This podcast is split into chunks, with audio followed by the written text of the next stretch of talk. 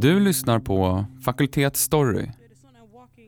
En podcast från Linköpings universitet med mig, Mattias Edborg och Anneli Norberg. Grovt våld, bilbränder, dödsskjutningar, barnfattigdom och tiggeri. Och så en skola som blivit gated communities för likar. Det här är Sverige 2019 och vi har en hel del att ta tag i, milt sagt. Och så har vi den där uppgivenheten. Att aldrig ens få en chans. Och att sakna den där gamla goda tiden när saker och ting fungerade och man förstod hur. Och rädslan att det verkar som att vi har blivit handlingsförlamade. Det verkar som att vi har tappat greppet, förlorat förståndet, förmågan att sätta gränser och ta beslut och ha visioner. Och så rädslan för att den där hopplösheten liksom ska bita sig fast. I Fakultet idag om begreppet utanförskap. Utanför vad då? Och vad finns då innanför?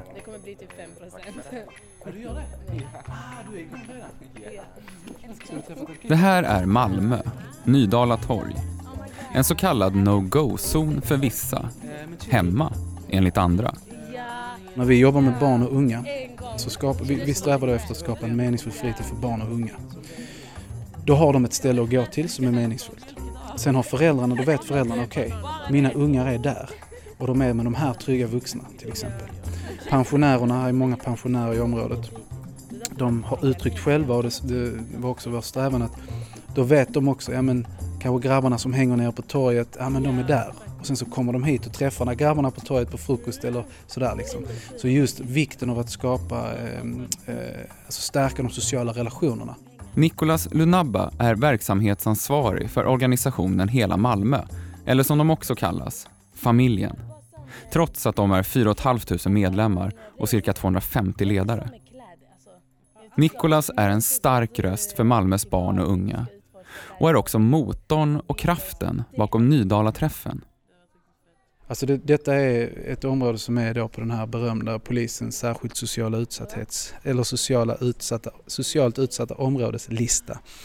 Um, och eh, så att folk vet och vi märker ju när folk kommer hit, de, vissa är ju skitnervösa av att vara i området och sen kommer de ner här så, så får folk ofta en känsla fan vad, fan vad häftigt, det är ju här det händer typ. Och det är ju det vi har velat skapa och en av de grejerna vi, vi, ehm, vi, eh, som var viktiga för oss det var att om man googlar på Nydala tidigare så var det massa artiklar som var liksom skjutningar, våldtäkt, alltså bara som, som det är i våra eh, utsatta områden. Så media bidrar otroligt med stigmatisering av områden.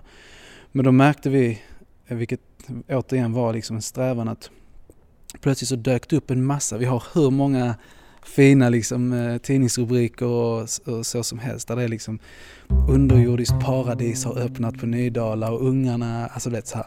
Så det är skitspännande. Det var, det var också vad det stod, Um, Malmös nya landmärke finns på Nydala. Alltså så. så vi håller på, som jag nämnde tidigare, så håller vi på att bygga om ganska mycket. Um, och vi har uh, så att viss, rummen, det jag kommer berätta nu, bara om någon månad. Här inne, eh, det är detta som är eh, föreläsningssalen slash danssalen. Här har vi, det, det är här vi har, eller MKB har investerat mest eh, när man har byggt. Så då, då sa vi så här att vi ska ha en riktigt fet danssal och vi har över 200 dansare som, som är här eh, varje vecka. Um, men Eh, bara genom att trycka på en knapp där borta så görs ljudet om och hörslingorna som, är, eh, som går runt hela salen. Vi märker när vi, när vi frågar några barn, ja, men vad skulle ni vilja göra? Så är det någon som kanske säger, men vi vill gamea eller vi vill dansa. Men det finns mycket outtalat också, alltså behov. Um, och det kan vara liksom, vi serverar frukost här varje morgon. Vi vet att det är många som inte liksom äter ordentligt kanske får i sig rätt näring eller äter mycket bröd och ost eller du vet så här, skiter i frukosten eller vad det nu må vara. Så det är också ett sätt, det är inte nödvändigtvis så att eh, deltagarna uttalar det, men vi identifierar det som ett behov. Sen här inne har vi gamingrummet. Um, där vi har, här är då eh, online online-spel, där är Nintendo, där är virtual reality, där är Fifa och Playstation och sånt. Och här är schack. Och här, där är schack ja. Alltså sällskapsspelen är förvånansvärt populära ska jag säga. Här inne då är eh, studion.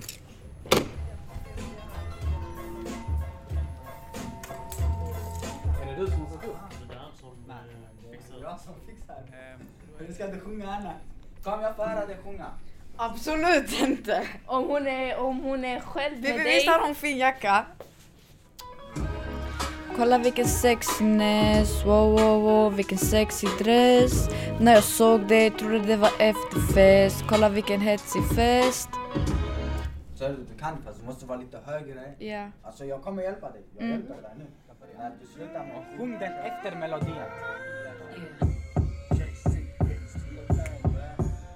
Varför ska du göra så med mig nu? Det här är Pippi, Robin och Armanda. Och det var under en fikapaus idag som Armanda skrev sin allra första egna låt. Varför ska du göra så med mig nu? Fattar du? Ja. Jag kan inte ens sjunga. Du säger till mig bättre röst. Det är bara att jag använder det jag ska. Varför ska du göra så med mig nu? Hon klarade. En sak som vi får ha klart för oss det är att för många så, så symboliserar böcker nästan eh, ett slags våld. Ehm, det, påminner eh, många, jag vet själv att det på sätt och vis var så för mig under uppväxten. Alltså att det påminde mig om att det fanns världar som jag inte hade tillgång till. Alltså böcker innebar studier som innebar högre positioner i samhället och så vidare. Um, som jag, som jag, men så fort jag plockade upp en bok så kände jag mig liksom dum och jag kände mig, jag fattade inte vad det innebar och jag kände mig rastlös. Och all, alla de eh, mekanismerna som sätts igång. Så, um, så vi, vi har böcker här och sånt men vi vet att många liksom läser inte.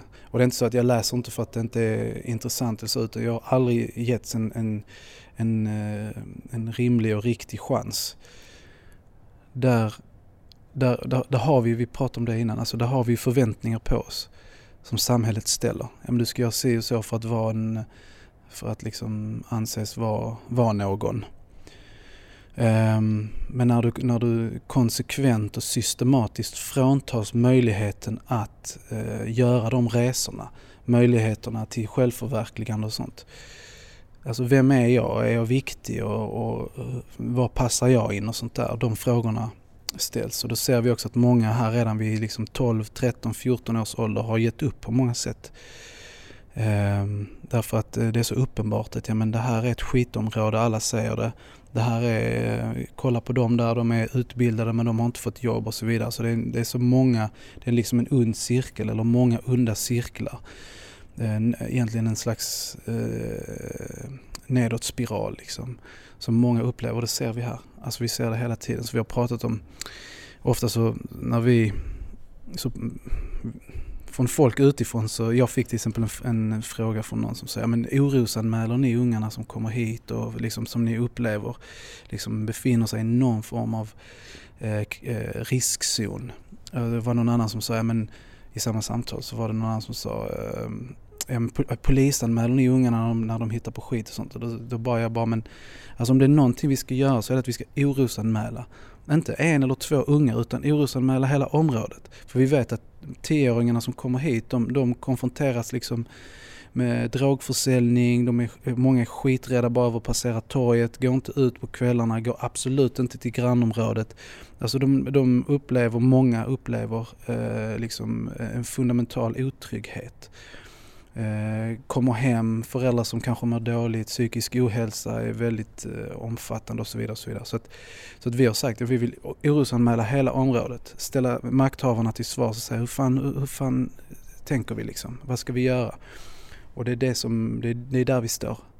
I det här liksom individualistiska samhället där vi är som den personen, nej alla är utsatta. Och det är vi som har skapat den här, liksom, det här samhället och den här strukturen. Nu måste den krossas och förnyas. Liksom. Ja, för vi har ju vant oss vid att vi pekar ut individer. Det är du som inte står pall, det är du som inte klarar det här. Mm. Nu har du inte skött dina läxor. Mm. Det, är- det är ditt fel. Mm. Skärp dig. Mm. Ansvaret läggs på individen hela tiden. Och det är, det är ett sjukt samhälle som resonerar så. När, när vi inte förmår höja blicken och liksom allt det här med hårdare tag och fler poliser. Jag bara, men vad förväntar ni er när vi skapar ett samhälle som är så polariserat, där fattigdomen bara liksom är så utbredd, klyftorna växer. Eh, de människorna skulle kunna spendera ett par dagar med oss ute i områdena så skulle de se, ah, okej, nu fattar vi vad det är. Så det är så det ser ut. Och vi, vad vi gör inom organisationen skitmycket det är liksom att vi, vi hela tiden pratar om att vi, vi, vi ska väcka opinion, vi ska utmana makten, vi ska förändra strukturer. Eh, och vi ska göra det med ett brett jävla leende på läpparna och vi ska ha skitkul när vi gör det. Men alltså att hela tiden tänka, vi ska vara progressiva, vi ska vara nyskapande, vi ska göra det med unga, för unga. Ehm, eh, och, och aldrig liksom nöja oss utan vi kör på. Eh, och det, det har vi gjort i 15 år och det är någonting som är, Eh, som är eh, både hemskt och, och helt fantastiskt vackert att ha den inställningen. Vi vet att det är skit, vi ser våra unga liksom mördas på gatorna. Eh, men vi tuffar på, vi blir fler och fler och det är liksom fler som ansluter sig till, till rörelsen och, och därigenom så, så åstadkommer vi riktig förändring. Och det, är- det, är, det är spännande. Många offentligt finansierade integrationsprojekt misslyckas för att de är kortsiktiga, menar Nicholas. Och för att de som driver dem inte helt enkelt har riktigt koll på livsvillkoren som de här barnen lever under. Men det beror också på att det är just tidsbestämda projekt och som ofta skapas över huvudet på dem som de faktiskt riktar sig till. Men på Nydala vill man annorlunda. Här är det mer utav ett relationsbygge som pågår och det innebär uthållighet, lyhördhet och tillit. Magnus Dahlstedt är professor i socialt arbete och är forskare och lärare på Linköpings universitet. Och han menar att hela Malmö är ett imponerande exempel på social hållbarhet och på framtidens sätt att jobba. Magnus är också författare och nu senast huvudredaktör för den vetenskapliga antologin Manifest för ett socialt arbete i tiden. Och där ger han tillsammans med Filip Lalander från Malmö universitet och en mängd andra forskare en kritisk och dyster samtidsdiagnos på patienten Sverige. Vi är bekymrade, vi som har, eh, jag och Filip som har redigerat boken, liksom de övriga medverkande också, därför att utvecklingen vi kan se i eh, det sociala arbetet går åt fel håll. Och det, med det här menar vi inte att det arbete som bedrivs i frivillig regi är dåligt, att det är ont på något sätt. Det är enorma insatser som görs. Eh, problemet är ju bara den omfattning eh, som arbetet har och det ansvar som läggs på frivilliga initiativ att lösa sociala problem som kunde lösas på, annans, på annat sätt. Här menar vi att eh, det här är ett politiskt problem som måste diskuteras och det här är socialtjänstens och samhällets problem eh, och utmaningar. Och det ideella arbete som bedrivs eh, ja, är ett symptom på det här sam den här samtiden som vi ser. Vad, vad, vill, vad vill ni uppnå? Eh, vi vill uppmana till eh, social mobilisering, bred social mobilisering för ett socialt arbete som verkar för förändring. Därför att vad vi ser det är det sociala arbetet allt mer har inte bara blivit eh, individorienterat utan allt mer inriktat på bevarande, alltså att bevara, reproducera den den, den rådande ordningen, den sociala ordningen, snarare än att verka för förändring, för att skapa något som kunde vara annorlunda. Socialtjänsten, om man tar det på det sättet, eh, arbetet på socialkontoret skulle eh, ha mycket att lära från det ideella sociala arbete som bedrivs, som bygger på andra premisser numera, som eh, bygger relationer som är långsiktigt, som hörsammar de sociala våndor och behov som finns, som lyssnar, för samtal, bygger relationer. Det är vägen framåt. Och är det så att det arbetet inte bedrivs på socialkontoren, ja då bedrivs det annorstädes. Där har vi mycket att lära när det gäller att skapa för framtiden. Utanförskap är ett begrepp som Magnus är milt sagt trött på. Det ger oss liksom en bild av att vi kan bara stuva undan problem. Lägga dem där på hög, där utanför. Och sen så är det bra med det. Bara vi slipper.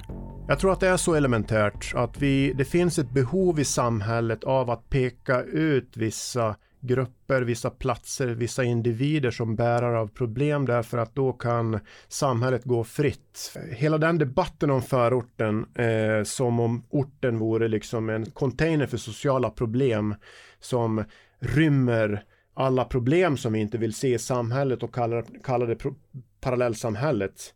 Eh, det i sig är ett symptom på att vi eh, befinner oss i en politisk debatt som vi måste ur. Vi måste ur den och sättet att göra det på tror jag det är att kasta om. Att peka på samhälleliga processer som skapar ojämlikheter snarare än de yttringar som ojämlikheterna tar sig och specifikt med att rikta fokus emot det så kallade utanförskapsområdet eller parallellsamhället eller förorten. Eh, därför att det är bekvämt så. Men du vill sluta kalla det här för utanförskap? Ja, gärna. Eller hur? Ja. Mm, därför att det är ett ord som du eh, tycker just pekar ut. Var vi har hamnat någonstans i den politiska debatten det är ju en någon slags eh, föreställningsvärld där sociala problem lokaliseras till bestämda platser vid sidan av som förläggs till samhället utanför som om det inte finns i samhället. Och man kallar detta för utanförskapsområden. De är utanförskap. De, det är där utanförskapet förläggs. Vad som görs i den här konstruktionen, den här föreställningsvärlden, det är att de processer som genererar, som skapar det vi kallar utanförskap, det hamnar i skymundan medan de som lever i utanförskapet, de som är tvungna att möta dess konsekvenser på olika sätt, beskrivs som förlagda i utanförskap.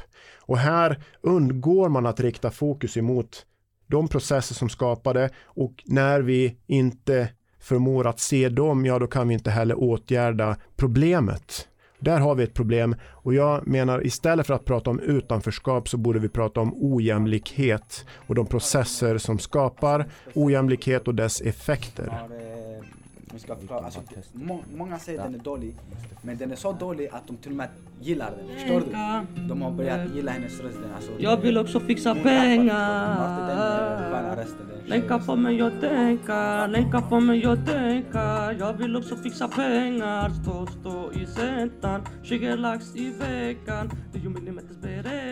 Pippi, eller Marco som han egentligen heter, har varit på Nydala-träffen ända sedan öppningen. Här finns bra människor och en studio som Pippi spenderar stora delar av sin lediga tid i. Musiken har blivit en enormt viktig del för Pippi och förutom att skriva sin egen hjälper han till med att spela in, producera och driva på andra ungdomar med musikdrömmar. Åh, med rösten i den, utan han sjunger i den. Det är det vi försöker komma till, alltså ändra på alltså, hiphop och rappen. Ta det till ett annat nivå genom att sjunga i den också samtidigt, förstår du? Det blir ja, exakt, sound. Ja, ja, exakt. Det är det. Vi kör egna, ihop, eh, alltså olika. Det, jag har kanske skrivit 30 låtar. Typ alltså, jag älskar musik sen jag var nio, 10 år. Det är så, jag lyssnar alltid på musik men jag rappade aldrig eller något. Sen typ för två år sedan, då började jag skriva när jag fick min första egna mobil. Vet, Youtube och så, kolla på beats. Det var då jag började. Och sen, eh, jag skrev inte ner dem alltså så. Jag bara testade, testade tills det blev bättre och nu är det mycket enklare för mig. Mycket, mycket enklare alltså. Hur ofta hänger du här i den här studion? Eh, varje dag, från måndag till fredag. så länge det går. Det är alltså skönt att vara här faktiskt. Det är lugnt, som du säger, tyst. Vi brukar höra på beats, skriva ner låtar. Ibland så kör någon direkt bara ej, grabbar jag har gjort en ny låt, lyssna. Och så sätter vi in biten och så rappar han. Det är det vi gör. Det, alltså att göra en låt, det är jättelätt. Det är inte svårt. Du ska bara komma på ord. De ska rimma och så, de ska ha en fortsättning till nästa ord, förstår du? Och vad det ska handla om och allt. Alltså, till exempel det finns många svenska artister som kör så här också, som bara kör utan någon refräng. Och då blir låten mer hype, mer eh, kändare, mycket mer visningar. Det, låten är längre också. Den har mycket mer ord i sig. För vissa låtar de har kanske max 50-80 ord i sig och så kan man alla. Förstår du? Om du typ den här, den har jättemånga ordisar, kanske 100-200. Förstår du? Men du, vad är det för något? Vad, vad är det med musik och dig då? Vad är det du gillar med musiken? Mm. Vad jag gillar med musiken alltså. Den är alltså, får mig att må bättre om jag ska vara ärlig. Den är, den är avslappnad. Alltså när inte jag har något att göra hemma eller här, då kör jag med att skriva. Det, alltså jag tycker om det. det. Det är det jag vill alltså. Jag vill bli en artist. Förstår du? Det är riktigt bra att vara här, förstår du. Man, man kan, om du vill bli känd, man kan bli känd, förstår du här. Ja. Vad, vad skulle du göra annars om du inte var här? Om inte jag var här, det vet jag inte faktiskt. Det vet jag inte. Alltså den här platsen har ändrat mycket på mig. Jättemycket. Eh, förut så var jag bara ute med vänner hela tiden. Ute, ute, ute. Skapade problem. hela tiden alltså. Men eh, sen jag har kommit hit alltså, allt har blivit lugnt. Jag går hem i tid, jag gör det jag gör. Alltså jag ska egentligen försöka förbättra mitt liv och allting. Förstår du?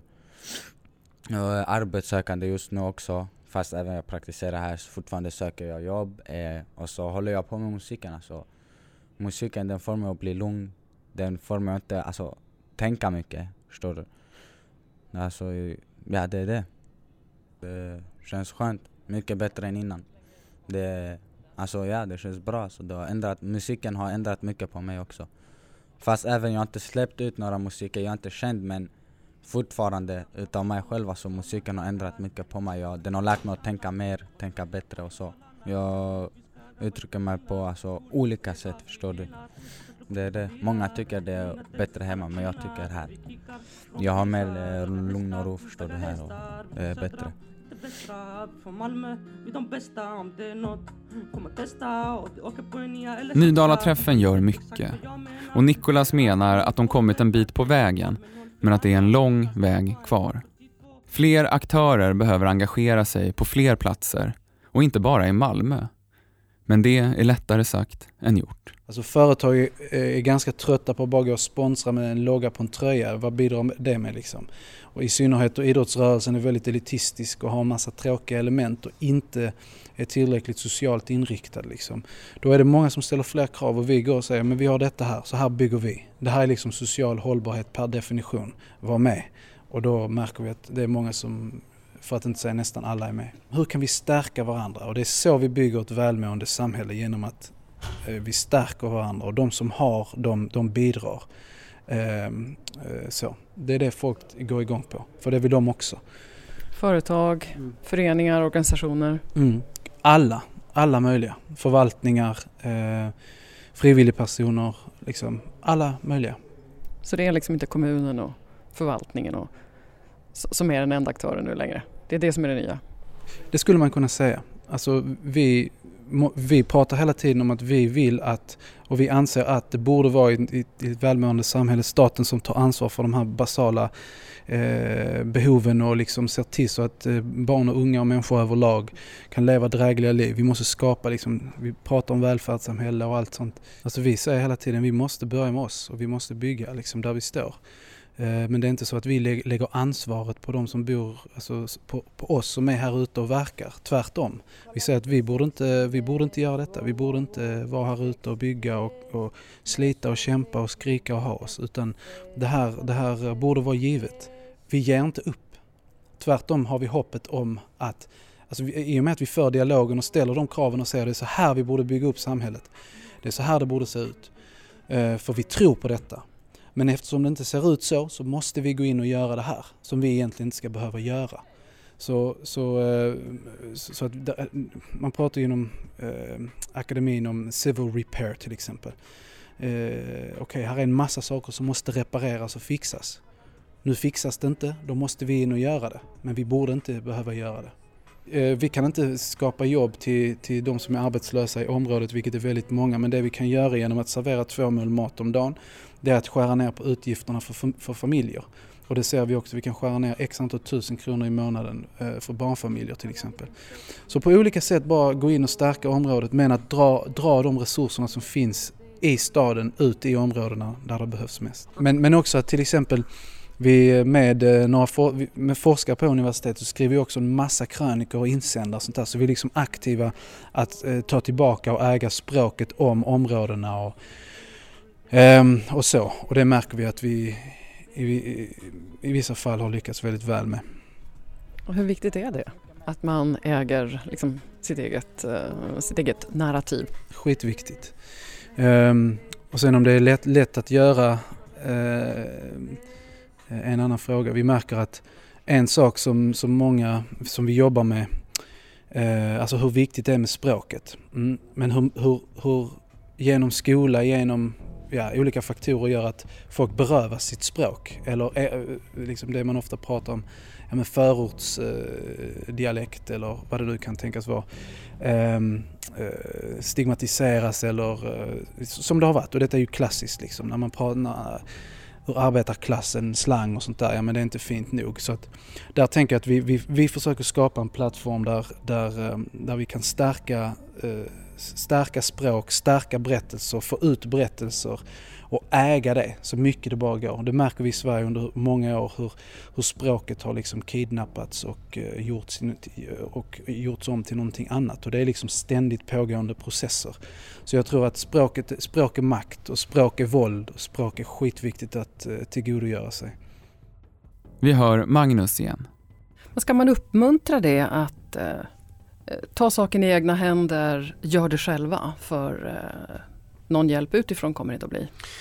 Ja, alltså det är ju ledmotivet i, må i många av de intervjuer som, eh, som vi har gjort i eh, eh, ja, en rad projekt som vi har genomfört under det senare, senare året med ungdomar, inte minst i förortsmiljö miljö runt om i landet. Budskapet är ganska enkelt. va? Vi ska inte lita på att folk kommer till undsättning och hörsammar våra behov och hjälper oss utifrån. Ska någonting ske, ja då får vi göra det själv. Och det här är jag menar dubbelt. Å ena sidan så kan man säga att jo men visst, så är det. Det är en politisk kamp. Ni får göra den själv för att svennarna kommer inte att göra det. Och det är bra va. Men å andra sidan så mm, är den här tilltron till att vi kommer att lösa saker och ting på egen maskin den är också problematisk därför att då är man utelämnade till att ta hand om sina egna problem och det ligger ju i linje med en samtida liksom individualisering av sociala problem. Man lokaliserar problem och orsak till orten själv. Så den här beskrivningen är eh, den är, den är väldigt tudelad så att säga. Men jag känner, ju, jag känner ju igen den på det sättet. Den är inte alls märklig. Och eh, det är viktigt att organisera sig på, i, i det här fallet i Nydala för att åstadkomma förändring. Samtidigt är det, det är en del av problemet att det är så som förändring kommer till stånd så att säga. Men det kanske maskin. blir mer hållbart om man själv får bygga. Om man själv får komma med idén och sen göra och genomföra. Jag tänker mig att vad som påvisas i hela Malmö som det viktiga Eh, den viktiga förutsättningen för förändringsorienterat arbete det är att bygga relationer. Dialog är det som är medlet för att skapa nytt. Och det är det som är det unika, inte det unika kanske, men det är i alla fall det värdefulla som jag ser det i den här organiseringen. Det är att den bygger på relationer som är jämlika. Den bygger på långsiktighet, förhoppningsvis, det får vi se eh, vilken långsiktighet som det finns bäring för i projektet. Men man vill sätta sig i dialog med ortens unga och lyssna på dem. Inte som ett dom som finns där borta utan som medmänniskor här och nu som lyssnar på varandra för ett samtal för att så, tillsammans komma på hur ska vi ta oss an utmaningarna. Det är så det sociala arbetet bör bedrivas för förändring. Det är inte så enkelt att vissa saker kan vi inte ens diskutera för att det är givet på förhand. Jo, det kan vi och det ska vi. Och om vi inte diskuterar det? Ja, då tror vi att vi har nått den bästa av världar och att vi har nått historiens ändhållplats. Vi kan inte ha det bättre än så här. Det kan vi. Och det måste vi tro att vi kan. Annars är det illa ute med oss. Och någonstans är det den tron som eh, vi håller på att tappa. Liksom. Att ja, okej, vi kan kanske inte nå bättre, nå mer än så här. Vi har det sociala arbete vi förtjänar. Nej, det har vi inte. Vi förtjänar det definitivt inte. Vi förtjänar något mycket bättre. Vi måste väcka tron på framtiden tillbaks igen. Billiga politiska poäng görs och tillåts göras eh, för att svara mot de utmaningar vi står inför. Eh, och det skapar mycket oreda och det är eh, inte så lite farligt heller faktiskt. Och eh, akademin om några måste faktiskt utgöra ett motvärn emot billiga enklade samtidsanalyser och mana till eh, besinning och sans för att eh, skapa andra sätt att tänka om hur ska vi ha det imorgon än det som är det gängse. Hur ska vi ha det imorgon då, tycker du? Bra. Ja, det blir fint. ja, tack. Magnus Dahlstedt, hårdrockare, tvåbarnspappa och professor i socialt arbete. Du har lyssnat på Fakultet Story, en podcast från Linköpings universitet med mig, Mattias Edborg och Anneli Norberg som också gjort intervjuerna. Vi hörs igen nästa vecka.